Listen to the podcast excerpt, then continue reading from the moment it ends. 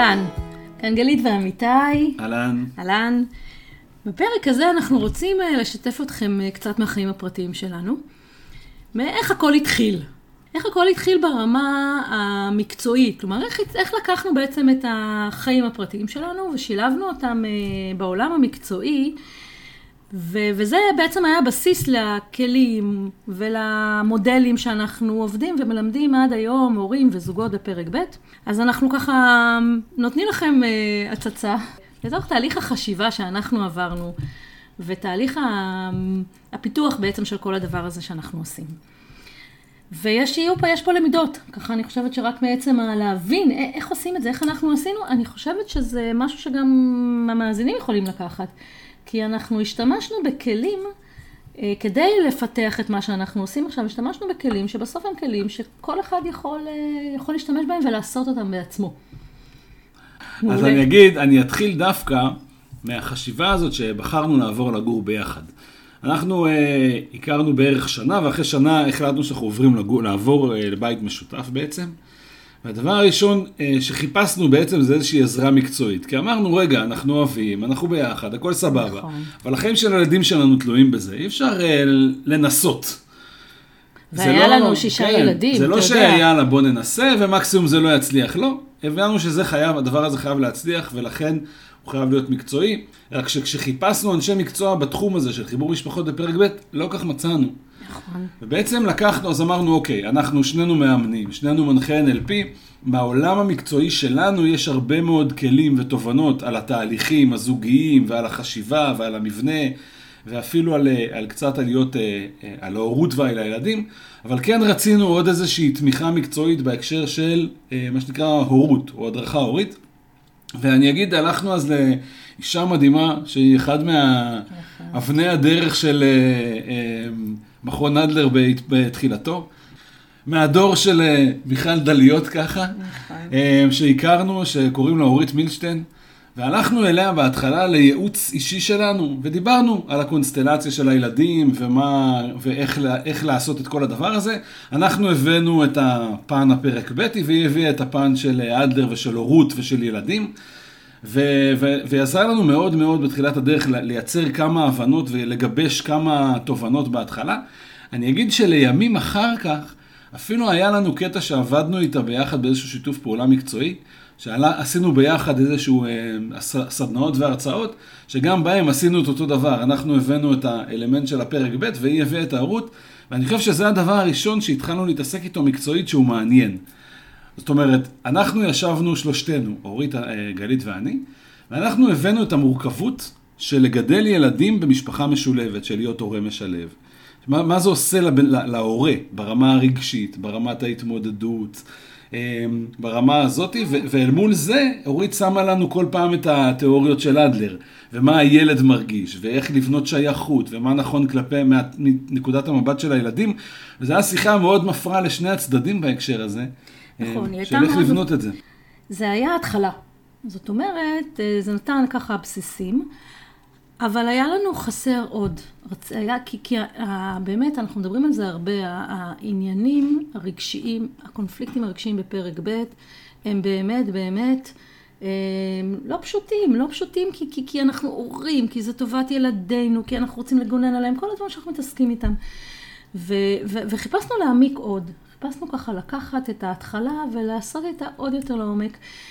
היה חסר לנו, היה חסר לנו ממש ככה אה, אה, לראות באמת איך אה, מייצרים את הבסיס, אבל איך באמת לוקחים והופכים את הדבר הזה לאיזשהו חיבור משפחתי.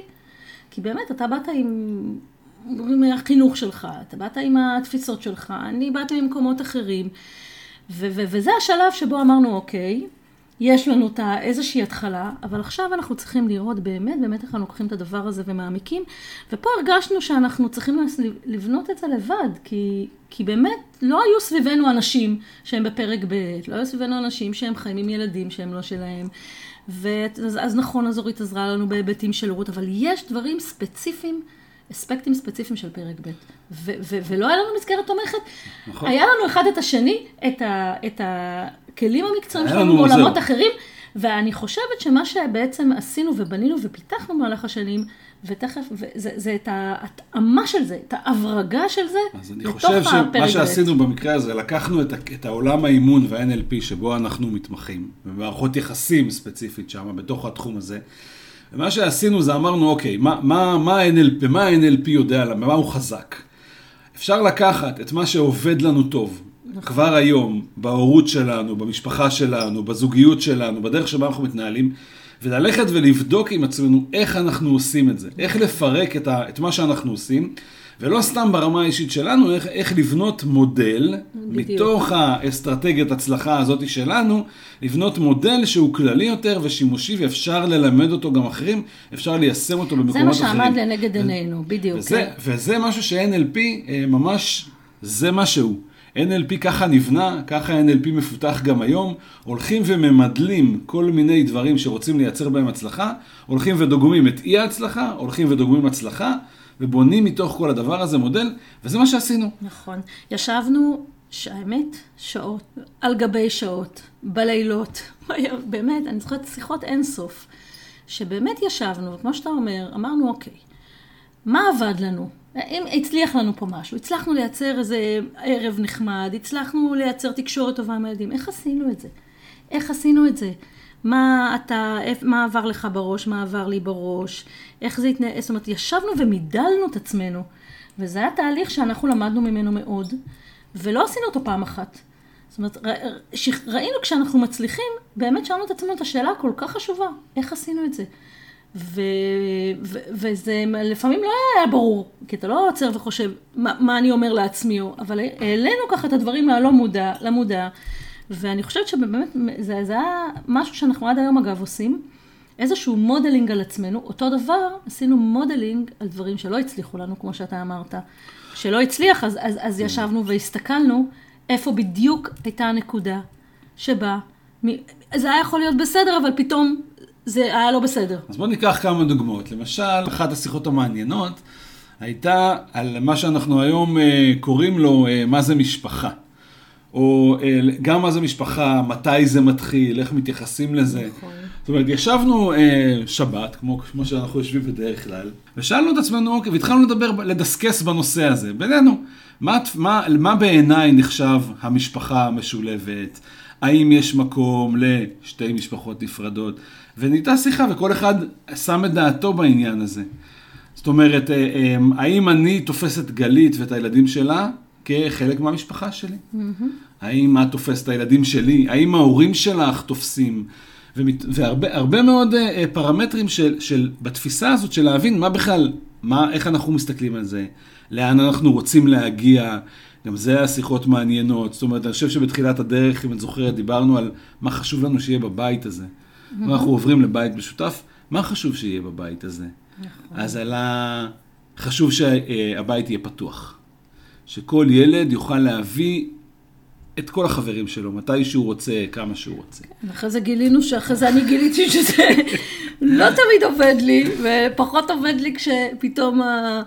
ככל שהתקדמו השנים, שפתאום הילדים שלך רוצים להביא את כל החברים שלהם. בוא, אנחנו, כן. אנחנו תמיד אומרים בכנות וב... את, את, שמים על השולחן. נכון, נכון, ועלה התחושה, אבל, אבל יש גמישות מחשבתית, זאת אומרת, אנחנו ידענו, ו- ואנחנו יודעים גם עד היום לדבר על זה, וגם אם אנחנו רבים וכולי, למצוא פתרונות בתוך זה. הייתה מחשבה אה, שחשוב שהילדים יהיה- ירגישו שזה הבית שלהם. אז סיכמנו ממש בהתחלה אה, שלכל אחד מהם יהיה מפתח משלו. ושלמרות זמני השהייה המסודרים עם הגרושים, מבחינתנו ילד יכול לבוא הביתה והוא לא צריך לבקש רשות, זה הבית שלו. נכון. כשבאים הביתה לא מבקשים רשות מאף אחד. אני כשעד היום, כשאני מגיע להורים שלי בקיבוץ, אני בא ופותח את הדלת, אני אפילו לא דופק. זה הבית שלי, זה מין כזה, זה, עכשיו התחושות האלה שאני זכרתי מהבית שלי, רציתי שהם יהיו גם אצלנו בבית הילדים שלי. ואני מניח שאת רצית משהו דומה. כן. והסתכל... עמדנו בזה מאוד, זה, זה משהו שעשינו מאוד יפה, זאת אומרת, זה גם עד היום. הם יכולים לבוא, הם מעדכנים, אבל הם לא מרגישים, הם לא צריכים לשאול האם אני יכול לבוא. כן, ואני זוכר נגיד בעניינים האלה בתחילת הדרך שהם עודו קטנים, אז אתם יודעים, ב- ביום אה, כיפור שהילדים אה, מסתובבים בכל העיר, וכל אחד עם החבורה שלו, אז הבית הזה ממש היה מין, אה, אה, אתה זוכר את זה, היה כאילו בזה, כל אה, ילד היה מגיע עם החבורה של הילדים שלו, חמישה, שישה עד עשרה, לא זוכר כמה הם היו, ואז הם היו תחנות כאלה, הם היו באים, הולכים לבריכה בחצר, גורמים לי, ל, ל, ל, להתרחץ, היו עוברים לשולחן אוכל ואוכלים, גורמים לאכול, היו יוצאים מהבית וחוזרים. עכשיו, שוב, אתה מדבר על יום כיפור, ויש פה גם מאזינים שהם... אז זה אצלנו, אבל זה החוויה של יום כיפור אצלנו. והבית פתאום נהיה מאוד פתוח ומאוד פעיל. זה קרה בסופי שבוע שהם היו מביאים חברים, זה קרה בצופים שהיו באים לעשות את הפעולה אצלנו בבית בחורף, כי אצלנו מותר. מה שאתה בעצם אומר, שזה, חשוב להגיד שזה לא קרה סתם, זה קרה כי ישבנו. חשבנו על זה שזה ערך שחשוב לנו, דיברנו על זה, ו, והלכנו ועשינו את זה. ו, והדבר הזה הוא חשוב, כאילו הרבה פעמים אנשים בפרק ב' מאוד סומכים על האינטואיציות. עכשיו, אינטואיציות זה חשוב, זה, זה נכון, אבל אני חושבת שאינטואיציות בפרק ב' יכולות גם להפיל אותנו. זאת אומרת, כי, כי, כי זה מין זורקים כזה, בואו נעשה את זה ונעשה את זה, וכל אחד מתנהל לפי מה שנוח לו, ויש מין איזה ניסוי וטעייה כזה. ואנחנו בסוף בסוף רוצים לדעת לנהל את זה בצורה מדויקת, בצורה זוגית, בצורה שיטתית אפילו אני אגיד. לחשוב מה התוצאה שאנחנו רוצים לייצר. לאן אנחנו רוצים להגיע, ואז לעשות צעדים לקראת שם, ולהיות מכוונים לזה, ולהיות מפוקסים על זה. אחרת אנחנו עלולים למצוא את עצמנו במקום שמה שרצינו לא קורה.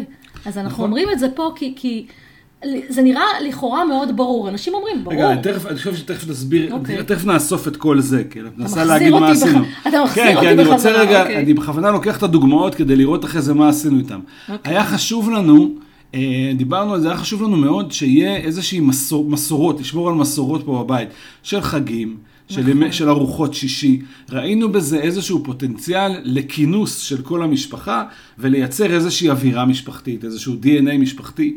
אה, ואותו דבר בהקשר של טיולים. אנחנו שנינו אוהבים לטייל ולעשות קמפינג, וראינו בזה פוטנציאל למקום שבו יש איזשהו חיבור וגיבוש של המשפחה. ועכשיו אני חוזר למה שהתחלת להגיד. ואז לימים כשבאנו לפתח מה עשינו פה ואיך זה עבד לנו, אז ניסינו לפרק את כל הדוגמאות הקטנות האלה שאמרתי, למה בעצם עשינו. ואז הבנו כמה דברים שה, שהם הפכו אחרי זה למודל ולשיטה שבה אנחנו מלמדים אה, זוגות לבנות את זה. אז דבר ראשון שהיה, זה מה שאמרתי, שישבנו רגע ביחד ודיברנו על מה חשוב לנו שיהיה פה. בעצם שמנו מול העיניים איזה שהם ערכים שאנחנו חשוב לנו שיתממשו במשפחה שלנו ובבית המשותף שלנו. ו- ודיברנו על זה, וסיכמנו על זה, וממש לקחנו איזה שלושה, ארבעה, חמישה כאלה, שאמרנו, זה מרכז העניין. אבל זה, זה חשוב, זה דייקנו את זה. זה לא, כן. לא לקחנו את כל העולם ואשתו, למדנו מה באמת, באמת, באמת, באמת הכי חשוב. מה? כשהוא יהיה בחיים שלנו, נכון. נרגיש ש, שטוב לנו. וזה היה במקרה שלנו, זה היה תחושת שייכות הזאת, זה שהבית הזה הוא בית פתוח, זה שאת הילדים מקבלים כמו שהם, היה כמה דברים כאלה ששנינו הסכמנו עליהם. ו- ועשינו אותם. שזה בית דבר... ש... של טיולים. כן. דבר שני שעשינו, זה שמצאנו באמת את הנקודות האלה, שבהם אנחנו, שנינו רוצים לחבר את כולם ביחד. ארוחת שישי עושים ביחד. קמפינג טיול עושים ביחד. מצאנו, זיהינו נקודות שבהן אנחנו מסכימים ששם אנחנו הולכים לצורך העניין לחייב את הילדים להגיע ולהיות חלק. בחגים, ארוחות ומשהו כמו שניים שלושה טיולים בשנה. ויחד עם זאת הגדרנו גם אז את המקומות שבהם לא קרה כלום. אם לא, אם אחד הילדים לא רוצה לבוא. זאת אומרת, השארנו לעצמנו גם את החופש להמשיך להתנהל במקומות מסוימים, כמו שהתנהלנו כל אחד עם הילדים שלו לפני זה. והבנו בדיעבד שהדבר הזה הוא, הוא מאוד מאוד חשוב, הוא אחד הדברים המרכזיים שהיום אנחנו מלמדים באנשים אחרים, גם, עכשיו כל מה שאני אומר זה מהניסיון שלנו, אבל זה גם מניסיון שהצברנו אחרי זה, ברגע שהתחלנו לעבוד עם עוד זוגות ולפגוש עוד זוגות, אז את כל, ראינו שהסיפורים האלה חוזרים על עצמם בכל המקומות האחרים, ולאט לאט זה התגבש לאיזשהו אה, אה, אה, שיטה מסודרת, שזה מה שאנחנו מלמדים היום. וראינו שה... כבר שנים שנים עובדים, אנחנו כן? כבר מעל שבע שנים עובדים, כמעט יום יום עם הורים וזוגות, זאת אומרת, באמת, זה, זה ניסיון וזה... על, על אלפי הורים שמגיעים לפה, שומעים את ההרצאות וכו', זאת אומרת, אתה אומר מה שאנחנו למדנו ומידלנו את עצמנו, וחיינו, Mm-hmm. ראינו גם איך זה עובד עם, עם המון זוגות כן. אחרים, וזה חיזק וביסס עוד ועוד את, ה, את התהליך אני הזה שיש רוצה- לנו אני בראש. רוצה לייצר את החיבור בין החוויה שלנו, במשפחה שלנו, החוויות של האחים, לבין איך, איך, הופכי, איך זה מיושם ב- בתור מודל. לעשות ממש את ה... בגלל זה אנחנו נותנים לכם דוגמאות, שתבינו כאילו שזה יתחבר למה שאתם מכירים מהחיים שלכם. ואז הדבר הזה שבו בחלק מהמקומות אנחנו כהורים במשפחה נפעל ביחד כדי להביא את הילדים שלנו ולחייב אותם להתחבר לדבר המשותף, ובחלק מהמקומות אנחנו נשחרר אותם מהחובה הזאת או מהצורך הזה. אז זה היה עוד דבר שעלה כתוצאה מה, מההתבוננות הזאת. אז זה הדוגמה הזאת של התפיסה של משפחה. אני חושב שעוד תובנה, אה, שאת מספרת עליה לפעמים בהרצאות שלנו, של ממתי מתחילים להיות משפחה. כן. ומי מי זה המשפחה שלי, שגם כן נפלה איפשהו במהלך וואו. הדרך. זה אחת התובנות הכל כך חשובות, אני חושבת. כן, אז, אז אני חושב שההבנה הזאת, שיום אחד היא נופלת, שהילדים של בני הזוג, הם לא רק הילדים של בני הזוג, כי אם מבחינתי בת הזוג שלי זה המשפחה שלי, ומבחינתה הילדים שלה זה המשפחה שלה, זה אומר שמבחינתי הילדים שלה הם המשפחה שלי, אתם מבינים? זה כאילו, איך את אומרת, זה אם A שווה ל-B ו-B שווה ל-C, אז A שווה ל-C, והתובנה הזאת שהילדים של בני הזוג הם לא רק הילדים שלו, הם גם באיזשהו הקשר מבחינתי, חלק מהמשפחה שלי, משנה גם את התפיסה שלי לגבי הרבה פעמים מה התפקיד שלי בחיים שלהם, מה המקום שלי בחיים שלהם, ואיזה מחויבות בכלל יש לי כלפיהם. אז זה כאילו, ברגע שאנחנו מסתכלים על זה בצורה הזאת, פתאום משהו משתנה בתפיסה שלנו ובגישה לא שלנו. רק זה, אני זוכרת את אחד הדברים שאנחנו הבנו, אני זוכרת עד היום את ה... זה היה שעה מאוחרת בלילה, ישבנו ודיברנו, זה דווקא היה אחרי איזשהו ויכוח בינינו, ופתאום נפלה שם התובנה הזו, שהיום באמת עוזרת לכל כך הרבה הורים. אמרנו לעצמנו שבעצם אנחנו לא צריכים לחכות שמשהו יקרה. אנחנו לא תלויים במערכות היחסים של הילדים, כדי שנהיה משפחה. זאת אומרת, אם נחכה שכל הילדים ירגישו שתמיד טוב להם וכיף להם, והם רק רוצים לבוא, והם מרגישים קרובים ושייכים, ממש אחים לילדים השנייה שלי. ואם אנחנו נחכה שהם יהיו מרוצים, ואם נחכה שאני ארגיש, אה, שכל אחד מאיתנו ירגיש שהוא הכי בטוח, בש... לא צריך לח... לח... לחשוב פעמיים לפני שהוא מעיר, אם נחכה שזה יהיה רק אה, מין, אה, רוצים לעשות הכל ביחד, נוסעים לטיול וכולם רוצים להתערבב באוטו ביחד ולא נפרדים לשני משפחות, אם נחכה למשהו חיצוני שיקרה, כדי שנוכל להגיד איזה כיף בנינו משפחה משולבת, אנחנו כנראה צפויים לחכות שנים רבות, כי הדברים האלה לוקח להם זמן, ויש מצב, ו- ו- ו- ומה קורה עד אז. ואז פתאום אמרנו, רגע, רגע, רגע. בעצם אנחנו, משפחה היא לא איזושהי תוצאה של איזה משהו שקורה, כי כל כך הרבה דברים קורים, כמו שאמרתי, ומשתנים, ו- וזה מערכות יחסים.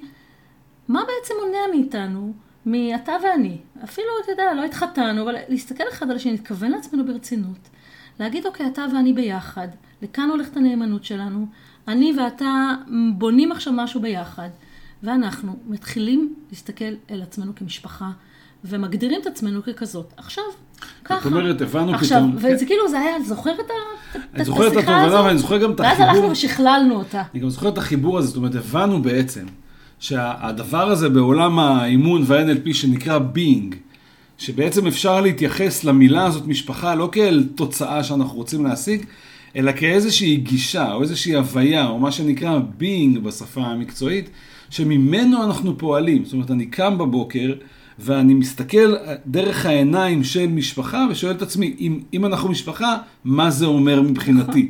וזאת שיטה אחרת להסתכל על, על החיים ולגשת לדברים בצורה אחרת שמשנה בסוף את החוויה שלנו, את התוצאות שלנו.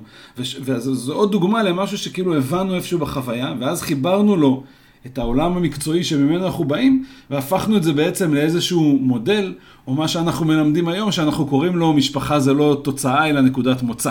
נכון, זה רק- שזה משפט מקצועי שמסביר את כל החוויה שתיארנו כרגע. נכון, נכון, וזה נושא שלם שאנחנו עובדים עליו באמת בסדנאות, כי הוא כאילו לכאורה אה, הפוך, בסדר?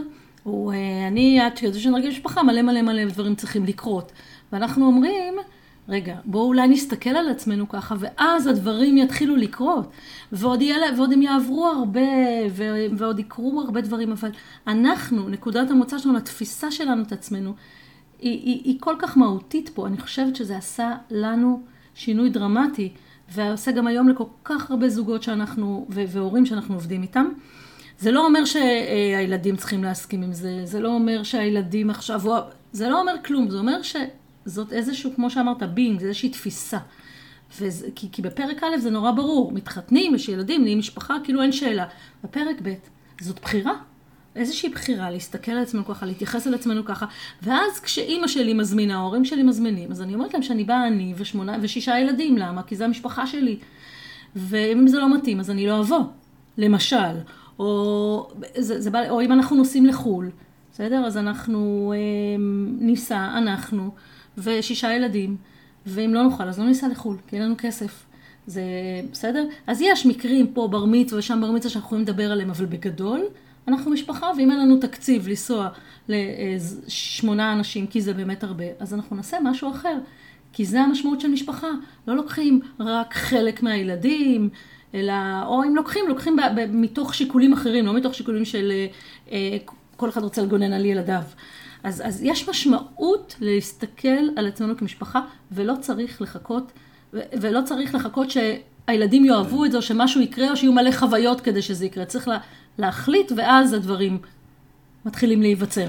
אני חושב שעוד סיפור מעניין. אה, זה דרך אגב רעיון בו... חשוב ש, כן. שאנחנו מלמדים אותו, ככה קצת זרקנו אותו פה, אבל, אבל ו, ומי שכמובן רוצה להעמיק אז מגיע, ואנחנו עובדים על הדברים האלה, אבל זה חשוב לראות איך, ה, איך הדברים האלה באמת, כמו שאמרת, באו מה, מהחיים שלנו והתחברו עם הכלים המקצועיים והפכו למודלים שהיום כל כך הרבה אנשים עובדים איתם.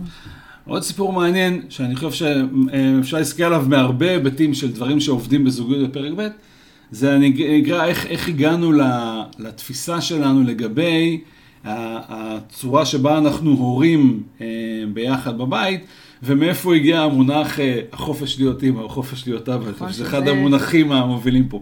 אז אני אגיד... המונחים שהטמענו, כן. אני ראיתי בקבוצת פייסבוק אחרת, דרך אגב, השבוע. שממשיכים להתחיל להשתמש בשפה הזאת, כן, ש... מגניב. או שאמרתי שהייתה לי איזו אמירה ככה, גם איזשהו משהו שאנחנו אומרים, שבפרק א', אה, מה שמחזיק אותנו זה הילדים, נכון? וכי אנחנו לא רוצים להתגרש, טובת הילדים וכולי, ומה שמפריד בינינו זה הזוגיות, זאת אומרת אנחנו, כי האהבה נגמרת, בפרק ב' זה הפוך, בפרק ב' מה שמחזיק אותנו הזוגיות, ומה שעלול להפריד מאיתנו זה הילדים. זה גם איזושהי הבנה שהייתה לנו, כן. אז ראיתי את זה השבוע שהשתמשו בזה בקבוצה אחרת, וגם בחופש להיות אבא. אבל אני ככה אמרתי, אוקיי, אוקיי. אם, אם מגיעים למצב שכבר, אתה יודע, מדברים את השפה שלנו, אז אנחנו, אז זה בסדר. כן. אז אני, אני אומר, אז בוא נחזור רגע לחיבור הזה של, ה, של איך יצרנו את הדבר הזה. אז אני רוצה להתחיל את הסיפור שלי במשהו שהוא כאילו לכאורה לא קשור, אבל כן קשור. ולהגיד שהדרך שה, שבה אנחנו עובדים, אה, כשאנחנו מפתחים משהו חדש, זה משתמשים בחוזקות שכל אחד מאיתנו מביא. ולכאורה זה עלול להביא, שנינו אנשי מקצוע, זה עלול להיות מין תחרות כזאת. מה שאנחנו עושים זה אנחנו משתמשים ביכולות הטבעיות שכל אחד מביא, כדי לייצר מהביחד הזה משהו שהוא גדול יותר מכל אחד מאיתנו. אז במקרה שלנו, אני יש לי נטייה להפוך כל דבר למדל דברים, לעשות מסגרת, למצוא את המכנה המשותף הרחב. וגלית יש לה את... רציונליזציה כן, כזו. וגלית יש לה את היכולת לשאול את השאלות, אני אקרא להן המעצבנות, אני עושה פה במרכאות, או המציקות, או המדייקות האלה, שכאילו מפריעות לתיאוריה. זאת אומרת, זה נחמד שוב, אבל מה עושים בזה, ואיך זה מזה, ואיך זה עוזר לי פה, ומה אני עושה במקרה הזה. ו- ודרך השאלות האלה בעצם, התיאוריה הולכת ונהיית יותר ויותר אה, סדורה ויותר ויותר מסודרת. ובעצם ברגע שאנחנו מביאים את היכולת הזאת של גלית להמשיך לשאול את השאלות עד שהדברים באמת, היא מרגישה עם עצמה שהיא אומרת את זה אני יכולה לעשות בעצמי. אני לא רק מלמדת או מסבירה, אני מרגישה בחוויה האישית שלי, זה לא סתם במוח, בחוויה הרגשית שאני באמת מסוגלת להביא את זה לידי ביטוי, ועד שהיא לא מרגישה ככה אנחנו לא מרוצים מהתוצאה. כי זה חשוב. עכשיו, למה אני מספר את הדרך הזאת? כי אחד הדברים שהרבה פעמים אנחנו עסוקים בהקשר של זוגיות בפרק ב', זה שאנחנו מנסים לעזור לאנשים להבין שברגע שאנחנו מתחילים לריב, או לעשות השוואות, או לחשוב שיש פה איזו סימטריה, או הדדיות, כמו שקוראים לזה לפעמים, שמה שאני עושה את צריכה לעשות, ומה שלי קל צריך להיות גם לך קל, ואז אם זה לא, אז יש לי טענות כלפייך. ברגע שאנחנו מפסיקים לעשות את ההשוואות האלה ומבינים שיש שוני בינינו, ומתייחסים לשוני הזה ככוח וככלי להשתמש בו בזוגיות, אז אנחנו מצליחים לייצר הרבה יותר ממה שכל אחד מאיתנו היה מסוגל לייצר נכון, לבד. נכון. וזה כלי בזוגיות שאנחנו השתמשנו בו ברמה המקצועית, אבל אנחנו משתמשים בו כל הזמן גם ברמה האישית, והוא קריטי בפרק ב', כי הוא מאפשר, כי בסוף פרק ב' כולו בנוי על הזוגיות הזאת. זה הדבר היחיד שמחזיק את כל הדבר הזה, ואם לא נדע להשתמש בכוח שהזוגיות הזאת מביאה לנו, לא נצליח לפתור את הבעיות הרגשיות או האתגרים, אפילו הלוגיסטיים, אני אגיד את זה. נכון. נכון, אני גם מתחברת למה שאתה אומר, אני חושבת ש... תראה, יש הרבה דרכים, אה, הרבה שיטות טיפול, הרבה... בטוח שצריך להיות, בסב... אני אגיד אחרת, בטוח שצריך להיות בסביבת ליווי מקצועית, תומכת בחיבור הזה של פרק ב', כי, כי זה באמת, לא היינו, לא למדנו את זה מעולם. זה באמת מאמת אותנו עם אה, המון מקומות אה, אמוציונליים, עם המון המון פחדים שלנו, אה, שיש לכולנו, והרבה אי ודאות, ונורא חשוב להיות במסגרת תומכת. דרך אגב, בכל השלבים, לא רק בהתחלה, אלא גם אחרי שנה ושנתיים, בכל שלב יש לו את האתגרים שלו, ו- וחשוב להיות, אני אומרת, בסביבה שהיא מאפשרת לנו לאבד את הדברים, מאפשרת לנו לדבר, ויחד עם זאת, אני חושבת שחשוב גם להיות, אה, חשוב שיהיו כלים שהם כלים, אה, אני אקרא לזה אה, שיטתיים, מה שנקרא, איזשהו תהליך כזה, לא אני באה. מספר את הבעיות, ובואו נדבר על הבעיות, ונגמרה הפגישה והולכים הביתה, שזה בסדר. אלא משהו שהוא הוא, הוא, הוא תהליכי. יש לו התחלה, יש לו התבוננות על הבעיה והגדרת איזושהי בעיה. אחר כך יש לו הגדרת outcome שאנחנו רוצים. ואחר כך איזשהו תהליך שמתקדם, והוא נבנה עם דברים שהם אה, עקביים ושיטתיים. אני חושבת שהדבר הזה חשוב. בפרק ב', אנחנו עושים את זה עם עצמנו, אנחנו, הרי זאת הסיבה שאנחנו כל דבר שמצליח או לא מצליח, אנחנו ישר חושבים, אז מה העיקרון שעובד מאחורי זה? מה, איך, איך עשינו את זה? כל מה שאנחנו מדברים פה, מה, ההיגי, מה, מה, מה המודל שאפשר להוציא מפה? ו, ואז הולכים ומיישמים אותו ו, ו, ורואים איך הוא עובד להרבה זוגות אחרים, ובונים תהליכי, תהליכי חשיבה ותהליכי התנהלות. אז אני אומרת את זה כי אני חושבת שח... שהשיטתיות, העקביות, לדעת כל צעד שאנחנו עושים, מה המשמעות שלו בתוך החיים שלנו, לדעת למה אנחנו עושים אותו, להתחבר אליו, הדבר הזה הוא חשוב. כן. ככה, ככה בעצם מצליחים לבנות את הזוגיות ואת המשפחה הזאת באופן יציב, עם, עם בסיס נכון, עם עוגנים מה אומר, נכונים. מה שאת אומרת זה שצריך לעשות את זה בליווי מקצועי, אני מסכים איתך. אבל ליווי ו... מקצועי, אני, כן, כן. כן, כי אחרת זה מין לחזור- ניסוי וטעייה כזה. זהו, אני רוצה רגע לחזור לסיפור הזה של, אה, של החופש להיות אבא. אז אמרנו, אה, התחלנו מ... אמרנו, טוב, אז איך אנחנו בעצם מגדלים ילדים פה ביחד בבית? איפה האתגרים שלנו? ואיך אנחנו הופכים את הדבר הזה לאיזשהו מודל שאפשר ללמד אותו? ואז אמרנו ככה, התחלנו מזה שאנחנו שני הורים, כל אחד מגדל את הילדים שלו. וכאילו הדבר הטבעי ההגיוני זה שכל אחד יחנך את ילדיו ויתמודד עם ילדיו. זה כאילו נשמע על פניו הדבר ההגיוני לעשות. וכן, עם הזמן אה, ניתן מקום ונעזור, וכן, מותר לי להעיר אל הילדים שלך מה שבא לי, אבל אני כאילו, באיזה זכות אני אדרוש מהם משהו, באיזה זכות אני אגיד להם מה לעשות. אז הרצון הטבעי היה להגיד, אוקיי, בוא נעשה הפרדה. ואז, כמו שאמרתי, גלית יש לה שאלות מעצבנות. היא אומרת לי, כן, אבל מה זה עוזר לי? מה עושים, מה אני עושה כשאתה לא נמצא? או מה אני עושה כשקורה משהו מול העיניים של הילד שלך, נגיד, נכנס למטבח ועושה שם בלאגן? מה, אני אקרא לך? אז אני אצא המלשינה, או אני אצא עם המרשד. אז זה לא עוזר לי מה שאתה מציע. אז בהתחלה התעצבנתי, אמרתי, מה זה נקרא? זה טוב מה שאני מציע, בואי תנסי. אמרה לי, לא, זה לא עוזר. ואנחנו... אז, אז אמרתי, לא, אז אמרתי, בתהליכי אוקיי. הפיתוח כן. רבנו לא מעט, מה, בוא נגיד את זה. אז אמרתי, אוקיי. ואז אמרנו, רגע, אז בואו נחשוב, בוא נחשוב כזה דבר. איפה, ואז כאילו מתחילים, מתחילים לרדת לעומק של הדברים. אז איפה, התחלנו לשאול את עצמנו, איפה אני בכלל מוכן שב, שגלית תתערב? או אני, שאלתי אותך, איפה את מוכנה בכלל נכון. שאני אעיר לילדים שלך? כי זה נחמד שאת אומרת שאת רוצה להעיר לשלי, אבל איפה את מוכנה שאני אעיר לשלך? ואז הבנו שבעצם יש פה איזה מין מקום כזה, קודם כל הבנו שצריך. הבנו שחייבים שיהיה מקום מה, מהתהליך הזה, חייב להיות מקום לבן הזוג להיות הורה, באיז, בכל מיני מובנים מסוימים נכון. בהקשרים בבית. מסוימים, כן? לא תמיד. כן, אז הכי קל זה להגיד בחוקי הבית, כי זה אימא ואבא של הבית, זה עוד מונח נחמד שהמצאנו עם השנים, זה, אבל זה גם נורא קל, כי להגיד, אוקיי, זה חוק הבית, אני אבא של הבית, אז אני אוכף את חוקי הבית. נגיד אמרתי את זה. אבל זה לא מספיק, זה כאילו החלק הקל. יש מלא, אתם יודעים, זה השחור לבן, אבל הרוב אפור. נכון. ואז אמרנו, רגע, אם אני לא מסכים איתה, על, על מה שהיא חושבת. נגיד היא חושבת שצריך לאכול בצורה מסודרת ליד השולחן, ואסור לעשות בזמן שאוכלים. ואני לא חושב ככה. אז זה שהיא תעיר נכון, לילד זה שלי, בדיוק מה שחשבתי. כן, זה שהיא תעיר לילד שלי, זה לא יעזור לה. זה לא יעבוד, כי אני חושב אחרת ואני אבא שלו. ואז הבנו שיש מקומות כאלה שבהם הגישה החינוכית, כשהיא שונה, אנחנו לא יכולים, אה, מה שנקרא, להוציא את ההורה הביולוגי, לנסות להזיז אותו הצידה במשוואה ולהגיד, הוא לא הצליח, אז בוא אני אקח פיקוד ואני אוכיח לו איך אני מצליח ליישם משהו על הילד שלו שהוא עד היום לא הצליח. זה לא עובד כי, כי אנחנו לא הורים ביולוגיים. ויש, זה קצת מערכת יחסים שונה וצריך ללמוד ולפתח אותה ולייצר אותה. ומהשיחה הזאת בינינו, אז אמרנו, הבנו מהדוגמה הטיפשית הזאת שהילד שלי אוכל במין קולות כאלה, שואב את הקורנפלקס עם החלב, וגלית זה הפריע לה באוזן. ואחרי שיחה הבנו שלי זה לא מפריע, אז, אז כאילו, ואז, ואז עכשיו השאלה, אז גלית בש- בחוכמתה, אומרת לי, אוקיי, אז מה אני עושה עם זה? כי יופי, הבנתי, אבל מה עכשיו עושים?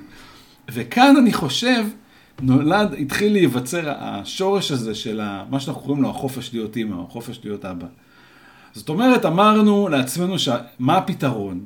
אפשר לפתור את זה בא- באחד, יש כמה דרכים. אחד, זה מפריע לך, תתמודדי, מה שנקרא. תביני שלי, זה לא מפריע, תקבלי, תסכימי לקבל את הדבר הזה, להיות נוכח בחיים שלך, ונפתור את זה בצורה הזאת. אבל מה קורה כשזה מפריע לי, ברמה שאני לא מסוגל להכיל את זה? מה קורה שאני חושש שזה ישפיע על החינוך של הילדים שלי, פתאום גם הם יתחילו לאכול. אז אמרנו, אוקיי. ואז טבענו ה... מתוך השיחה את המונח הזה של בוא נראה על מה אנחנו כן יכולים להסכים. נכון. נכון, שמעתם אותנו אומרים את זה. בדרך כלל אנחנו מדברים על מה אנחנו לא מסכימים. וכל אחד משכנע את השני למה הוא צודק. ואנחנו מתחילים את השיחה בזה שאנחנו לא מסכימים על משהו, ומסיימים אותה בדיוק באותו מקום. אנחנו עדיין לא מסכימים בדיוק על אותם דברים. רק אנחנו יותר צודקים. ו- ולא התקדמנו. ואז התחילה השיחה שאומרת, אוקיי, אז על מה בסיטואציה הזאת של ילד שעושה, על מה אנחנו כן יכולים להסכים? והתשובות מפתיעות הרבה פעמים. אני זוכר, אני חייבת לש... ככה, תוך כדי שאתה מדבר, אמ, אתה זוכר את הפעם ההיא שיצאנו להליכה, והגענו לשם בין הפרדסים שם, ומה... ודיברנו על, אמ, על הילדים שוב, ועל על, הס- על איזושהי הרצאה שהייתה לנו, ואז היה בינינו איזה פיצוץ. ו... ואני אזכיר לך, ו... והתחלנו לריב, כמו... כי, כי אתה יודע, אנחנו שני אנשי מקצוע, אנחנו מפתחים גם משהו, רבאק, לפעמים אני צודקת ואתה טועה. בקיצור, זה, זה תהליך אה, של כמו לידה. ואז היה איזה, אה, התווכחנו, ואז פתאום עצרנו. וגם היה, והבנו משהו, ומה, ואני אגיד תכף מה הבנו, כי זה, מפה והלאה הלכנו ופיתחנו עוד כמה כלים. הבנו שיש משהו בפרק ב' ש... שלא צריך, לא נכון אה, אה, לטאטא אותו מתחת לפני השטח.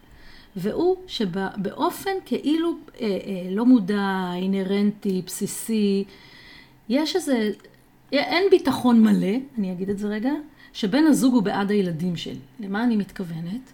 כשאנחנו הורים לאותם ילדים, אז יכול להיות שאנחנו לא, אפילו לא מסכימים על חינוך, יכול להיות שאתה חושב ככה ואני חושבת אחרת, ואל תיתן להם ממתקים וכן תיתן להם, ותעיר אותם כשאתה, כשהם כבר נכנסו למיטה בשמונה ואתה חוזר מהעבודה, יופי, אז אתה מעיר אותם ואני חושבת שאל תעיר אותם.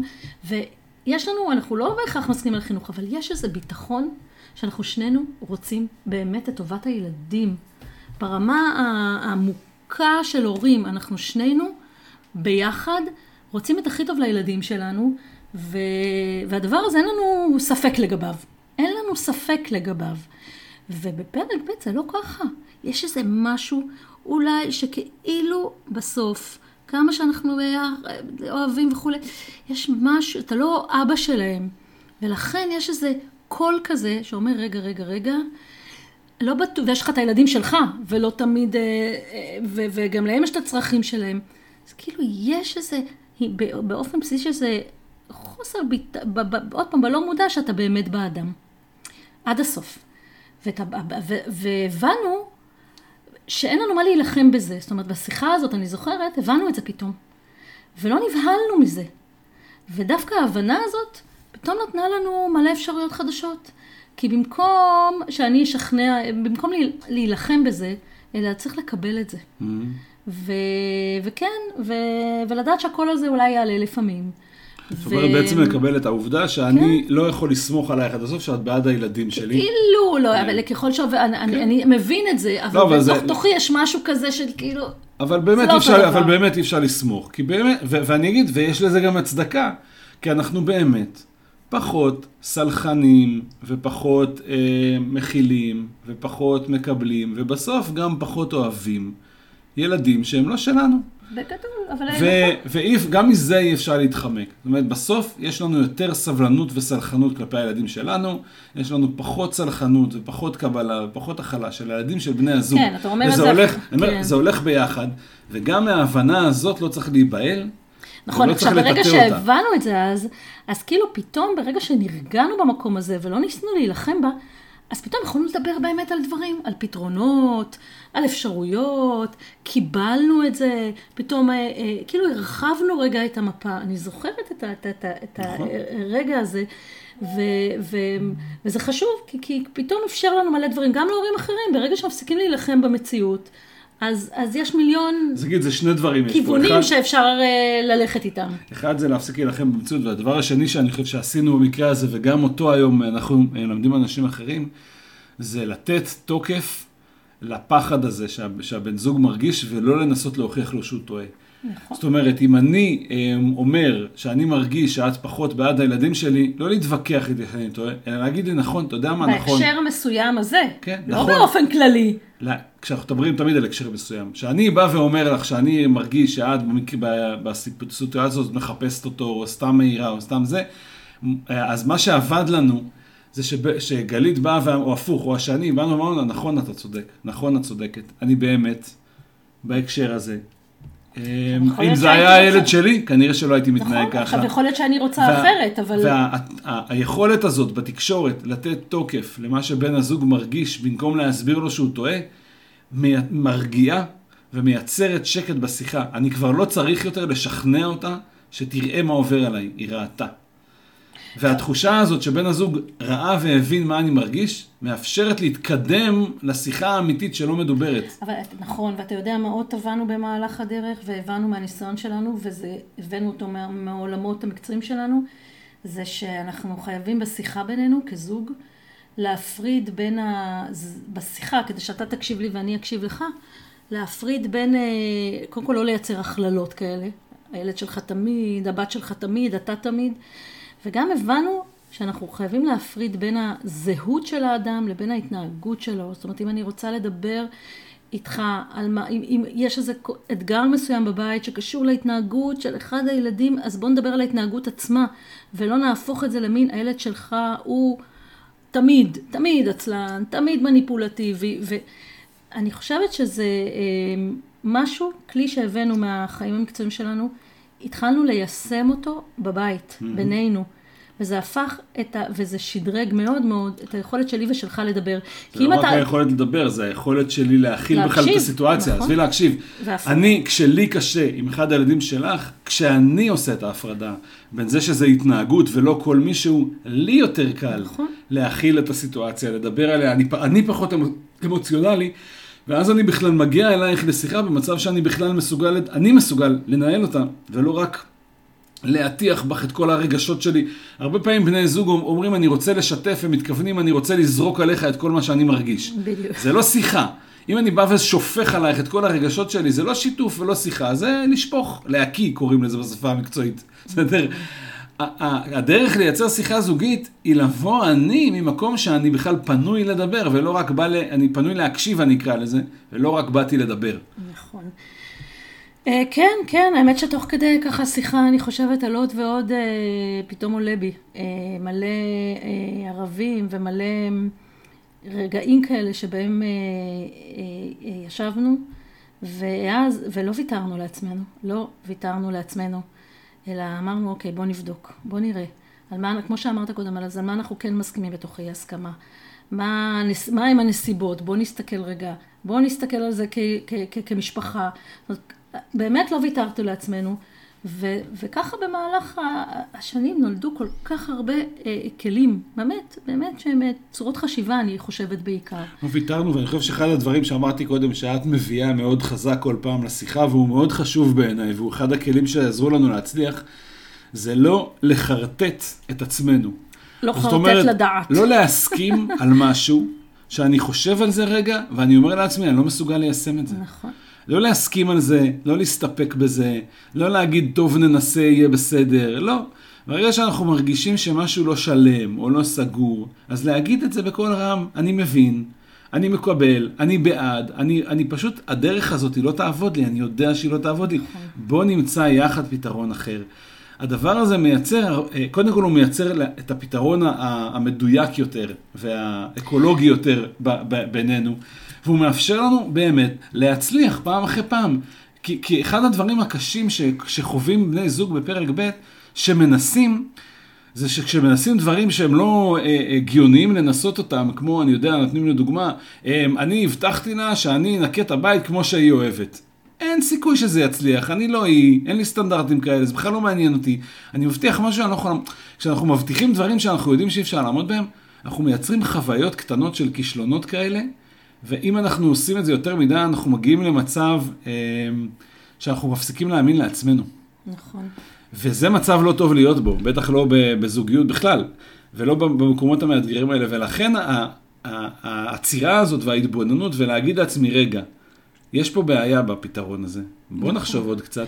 אז זוכר שישב, שעוד רגע, עוד... אמ, אתה זוכר את השיחה הזאת שבה גם הבנו איך לעבוד עם ערכים?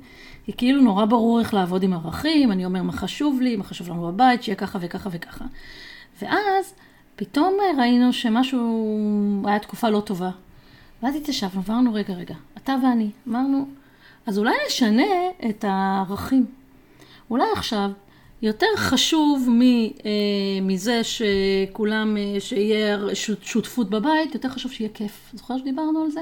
כי היה מתח, כי הייתה תקופה לא טובה. ואז ישבנו, אמרנו, אוקיי, בוא נסתכל על הדברים שחשובים לנו בבית, אבל נשנה את התעדוף, כן. את המדרג, בדיוק. אמרנו, בוא נשים עכשיו את הכיף למעלה.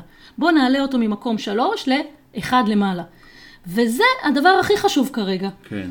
ולקחנו את אותם דברים שחשובים לנו, אבל שינינו את המדרג, ומפה נולד כלי, כי, כי זה פיקס אותנו, ברגע ששמנו את הכיף למעלה, אמרנו, עכשיו צריך להכניס כיף הביתה, שמחה. וזה הדבר הכי חשוב, לפחות לתקופה הקרובה. אז, אז היינו שנינו מכוונים על זה, פתאום היו דברים פחות חשובים. אה, שמנו מוזיקה בבית, ועשינו, כאילו היינו על זה. ואז הבנו שאנחנו חייבים בחיים שלנו, בפרק ב', אה, ב- ב- להיות מאוד בגמישות חש- מחשבתית, לקחת את הדברים שחשובים לנו, אבל לשנות את המדרג שלהם ואת התעדופים, כדי שאנחנו נוכל להיות מכוונים כן. למשהו אחר. ומפה הלכנו, עשינו את זה, והאווירה בבית השתנתה, ו- ומפה הבנו, לקחנו את, ה- את הכלי הזה של, גם כשמדברים על מה חשוב, לדבר על זה פר הקשר, או פר תקופה. בדיוק. למשל, אמרנו, אוקיי, בוא ניקח את זה לעוד דברים, נגיד אנחנו נוסעים לחופשה עכשיו. אז בואו נסתכל שוב על מה חשוב לנו. יכול להיות שבחופשה מה חשוב לנו הזאת, לחופשה הזאת. בחופשה הזאת, ונדרג את זה. זאת אומרת, היכולת לעבוד עם הדבר שנקרא ערכים, וככלי, ו- אה, ולשנות את המדרוג שלו, הוא משהו שהתפתח לנו תוך כדי, זאת אומרת, היכולת לעבוד עם. ערכים פר הקשר. פר הקשר. ולא להגיד שזה תמיד הכל זה, או. תמיד זה הכי חשוב. פר הקשר ופר פר, פר הקשר, פר תקופה, ולשנות את ה... אז גם, זה משהו שפתאום הבנו, נולד לנו, הלכנו וחיינו את זה, ראינו את התוצאות, הפכנו את זה לאיזשהו מודל, ו- ו- וזה נורא, אתה יודע, זה עובד, כן. אז זה נורא כיף. אז פתאום ככה, תוך כדי עולים לי מלא דברים, רק ככה לסיים אה, את מה שהתחלנו לדבר על על מה אתם יכולים להסכים, אז מהשיחה הזאת של על מה אתם יכולים להסכים, בדוגמה הקטנה שנתתי, הובילה אותנו למקום הזה שבו אמרנו, הבנו פתאום איזה משהו שעובד לנו, ושיכול לעבוד, והפכנו אותו ל- ל- למודל הזה, אנחנו קוראים לו מרחב ההורות, שבו אנחנו אומרים לעצמנו, אוקיי, באופן עקרוני, אנחנו יכולים להסכים על שאנחנו רוצים לייצר תוצאה מסוימת. למשל, אנחנו רוצים שבארוחת, בסוף הארוחת ערב, כולם ביחד, נגיד, יורידו את הכלים מהשולחן. למשל, אנחנו רוצים שהילדים היותר קטנים, אם מתחילים מכות, אנחנו רוצים להפריד ביניהם. מה אנחנו רוצים שיקרה? התוצאה. על זה היה לנו מאוד קל להסכים. ואמרנו, ובנוסף לזה אמרנו, אוקיי, אבל איך נעשה את זה? כל אחד מאיתנו מול ילדיו יש לו את החופש לעשות את זה בכלים החינוכיים שהוא עובדים לו והוא מכיר והוא מרגיש איתם בנוח להשתמש מול הילדים שלו. מה שנקרא, אני נותן, אני סומך עליה, על גלית, שהמטרה שלה זה לייצר את התוצאה שסיכמנו, היא סומכת עליי שהמטרה שלי זה לייצר את אותה תוצאה, וכל אחד מאיתנו חופשי לייצר את התוצאה הזאת בדרך שבא לו, בקצב שבא לו, בצורה שמתאים לו. ו- ואז נולד המונח הזה של להסכים על התוצאה ולש- ולתת את החופש להשיג אותה, את החופש להיות אבא. והיום אנחנו כמעט אה, 11 פלוס שנים גרים ביחד, והילדים שלנו כבר גדולים, ועדיין אנחנו ממשיכים לעבוד לפי השיטה הזאת. ממש עכשיו, בדרך שעלינו להקליט את הפודקאסט הזה, אתה, אתה, שם, שמתי לב, הדלת של החדר של הבן שלך הייתה פתוחה, בן 19, ופתאום ראיתי שיש לו מלא אה, ממתקים בחדר, ו... החדר שלו הפך להיות אה, מזווה. אה, להיות- עכשיו, אנחנו לא מרשים בגדול, אנחנו לא, יש לנו איזשהו חוק בבית שהוא כל כך הרבה שנים, גם כשילדים גדולים, אין כמעט, אין, אין הרבה חוקים, אבל יש אחד הדברים שהם יודעים זה שלא אוכלים בחדר. ו, ו, ופתאום הוא ככה מרשה לעצמו. וקראתי לך, ואמרת, ואמרתי לך, תסתכל, צ'ופ, מה, בוא, זה לא בסדר, אנחנו יודעים מה, מה, מה, מה צריך להיות. ואמרתי לך, אני לא רוצה להעיר לו, אז בוא, תיקח את זה ותטפל, כי אנחנו יודעים מה התוצאה שאנחנו רוצים. וזהו, ועלינו לפה, ואני לא יודעת מה תעשה עם זה, ואיך תעיר לו, או איך תטפל בזה מולו, כי יש את הרגישויות שלו וכולי, אבל אני סומכת עליך. ויכול להיות שזה לא היום בדיוק שהוא יבוא הביתה, תקרא לו ותיתן לו בראש, אלא אני לא יודעת מתי, אבל אני יודעת ששנינו יודעים שזה איזושהי תוצאה שאנחנו רוצים שלא תהיה, אבל מפה אני משחררת. אני למשל הייתי לוקח, הייתי עכשיו קוראת לילד שלי, בוא תיקח, אתה תעשה את זה אחרת מולו, ואני סומכת עליך שאתה תטפל בזה. ואני לא אבדוק אותך כל, דק, כל מחר או מחרתיים, אני, אני, אני, אני באמת סומכת עליך שתטפל, וזה משהו שאנחנו חייבים, אה, אה, אז, אז, אז להחליט על התוצאה ולשחרר את הדרך, הנה, ממש החיים שלנו עכשיו, בשעה האחרונה, זה מה שקורה, ברגע זה, אני- ברגע זה. אני רוצה להגיד עוד דבר בהקשר הזה, כי אנחנו שומעים הרבה התנגדויות לרעיון הזה, ואני ממש חשוב לי שאתם, אה, שאנשים שיש, עולה בהם ההתנגדות הזאת, ניתן לזה רגע תשובה, וזה הסיפור הזה של, אבל, אבל אז מה קורה? אותם ילדים שגדלים באותו בית, לכאורה יש להם שתי התייחסויות לא שוויוניות, קוראים לזה. לא שוות, או חינוך שונה, ואז כאילו אנשים מרגישים, אבל מה? הילדים שלי ידפקו, כי אני יותר מקפיד ואת פחות מקפידה, אז, אז, אז מה פה, ב, אז מה יקרה? ואנחנו, אני מכיר את ההתנגדות הזאת, ואני אומר לכם, גם מהניסיון האישי שלנו, וגם מהניסיון באמת של מאות משפחות שליווינו, וגם מהספרות המקצועית וה, והניסיון המקצועי שנצבר בעולם הזה של אה, הרבה מאוד אה, מטפלים ואנשים אחרים שרואים את הדבר הזה ומגיעים למסקנה הזאת גם, והוא שבסוף ילדים רגילים לחיות בין מבוגרים שונים שיש להם מערכות חוקים שונות. זה החיים שלהם כילדים. הם, יש סט ערכים וחוקים אצל אבא, אחד אחר אצל אימא, אחד אחר אצל המורה הזאת והמורה ההיא, אחד אחר בחוג, אחד אחר בחבר'ה. בכל מקום שהם נמצאים בו, החוקים הם אחרים, וגם כשזה קורה בבית, בפרק ב' במשפחה משולבת, זה עובד מצוין. מתי זה עובד מצוין? כשאנחנו ההורים שלמים עם השיטה והדרך החינוכית שלנו. אם אני מאוד מקפיד עם הילדים שלי שלא יאכלו ממתקים, אבל סליחה שאני אומר את זה בגילוי לב, אין לי מושג למה אני עושה את זה, אני סתם עושה את זה כי שמעתי את זה איפשהו, כי זה נשמע לי נחמד, או כי הייתי רגיל כי הגרושה שלי אמרה את זה, ואני לא באמת מבין מה המסר החינוכי שיש מאחורי זה, אז אם אני אהיה עם בת זוג שזה לא חשוב לה, אני לא אצליח לשמור את זה מול הילדים שלי. וזה לא יהיה בגללה, וזה לא יהיה בגלל שהגישה שלה שונה, וזה לא אומר שאני לא יכול לחיות איתה ביחד. זה רק אומר שיש פה איזה משהו שאני כהורה עושה, ואין מאחוריו מסר חינוכי שהוא ברור לי. נכון. ואני צריך לשאול את עצמי. ופרק ב', אחד האתגרים הגדולים כהורים, אני חושב שזה האתגר כהורים בפרק ב', זה שזה מפגיש אותנו עם השאלה המציקה הזאתי. למה מה שאני עושה, זה מה שאני עושה מול הילדים שלי? למה זה חשוב? מה המסר החינוכי שאני מעביר להם? ולפעמים אנחנו מגלים שאין לנו תשובה. וזה מביך אולי, זה לא נעים אולי, אבל זאת האמת. ובמקומות האלה אנחנו צריכים, מה שנקרא, להסתכל במראה, ואיפה שאני לא מבין מה בדיוק המסר החינוכי, תמצאו אחד כזה. תמצאו מסר חינוכי שחשוב לכם להעביר, שבשמו אתם עושים את מה שאתם עושים, עומדים מולם, מגבילים אותם, מחנכים, איך שלא תקראו לזה, לשים גבולות או לחנך זה אותו דבר. כשאני ברור לי מה המסר החינוכי שלי, זה תמיד מצליח. וכשלא ברור לי מה המסר החינוכי שלי, אז או שאני אוותר ולהפסיק לשים גבולות במקומות שאני לא מבין למה אני שם אותם, או שאני אמצא מסר חינוכי אחר. אז זה נכון, אפרופו למה, למדנו את זה, אפרופו התגובה, הפחד הזה, שמא זה עלול להרוס את החינוך של הילדים שלי, זה לא. תירגעו, כל מה שאתם צריכים זה להתבונן פנימה ולבדוק למה זה חשוב לכם. טוב, אז בואו אה, בנימה זאת נסיים, כי אנחנו נשאיר לפרקים הבאים גם, ונשתף ונגיד לכם שאנחנו שוב מעריכים, אנחנו שומעים כל כך הרבה אנשים שמקשיבים לפודקאסטים, ואנחנו מעריכים אתכם מאוד. ולהגיד שגם אנחנו בעצמנו כל הזמן נמצאים בצמיחה והתפתחות, וזה מאוד מאוד מאוד חשוב. אה, ולעשות את זה בצורה מדויקת ו... ועם מחשבה מאחורי זה. אז אה, אתם בטח יודעים כבר שאתם, אה, כל תוצאה שיש לכם בחיים, יכולים להיות מאוד מאוד מאוד גאים בכל מה שהצלחתם, כל מה שעובד לכם. זה לא מובן מאליו בכלל, זו תוצאה ששניכם יצרתם ביחד. ומה שלא עובד, אז אה, אנחנו כל הזמן נמצאים על צירי התפתחות.